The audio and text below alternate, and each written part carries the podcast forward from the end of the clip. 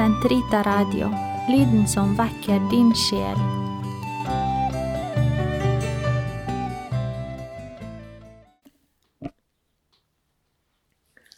Den katolske kirkes katekisme, uke 20, mandag, paragraf 315 til 324.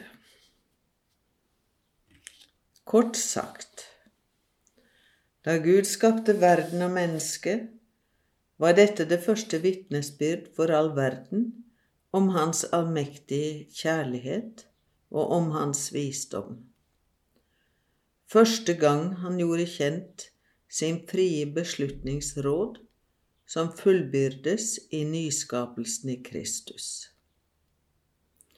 Selv om skapelsen særlig var Faderens verk, er det en sannhet som skal tros, at Faderen, Sønnen og Den hellige ånd utgjør skaperverkets ene og udelelige opphav.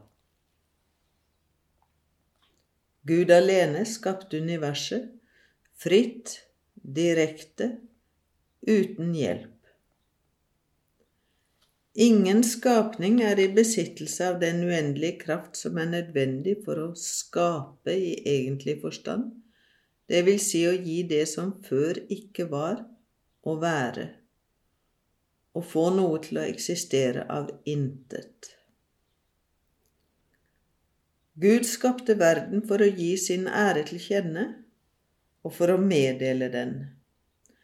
Gud skapte for at skapningen skulle få del i hans sannhet, hans godhet og skjønnhet. Dette er den herlighet han skapte dem for.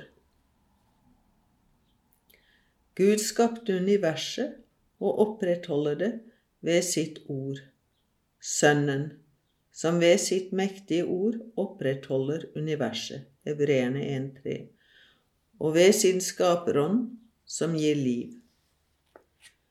Det guddommelige forsyn er alle de hjelperåd Gud bruker i visdom og kjærlighet for å føre all skapningen frem til dens endelige bestemmelse og mål.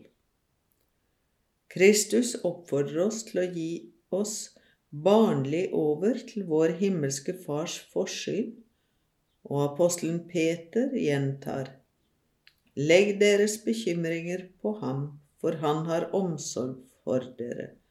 1. Peters brev 5.7 Guds forsyn er virksomt også når skapningene handler. Gud gir menneskene å samarbeide i frihet med hans plan. At Gud tillater det fysiske og moralsk onde å eksistere, er et mysterium. Han kaster lys han kaster lys over gjennom sin sønn Jesus Kristus, død og oppstanden for å overvinne det onde.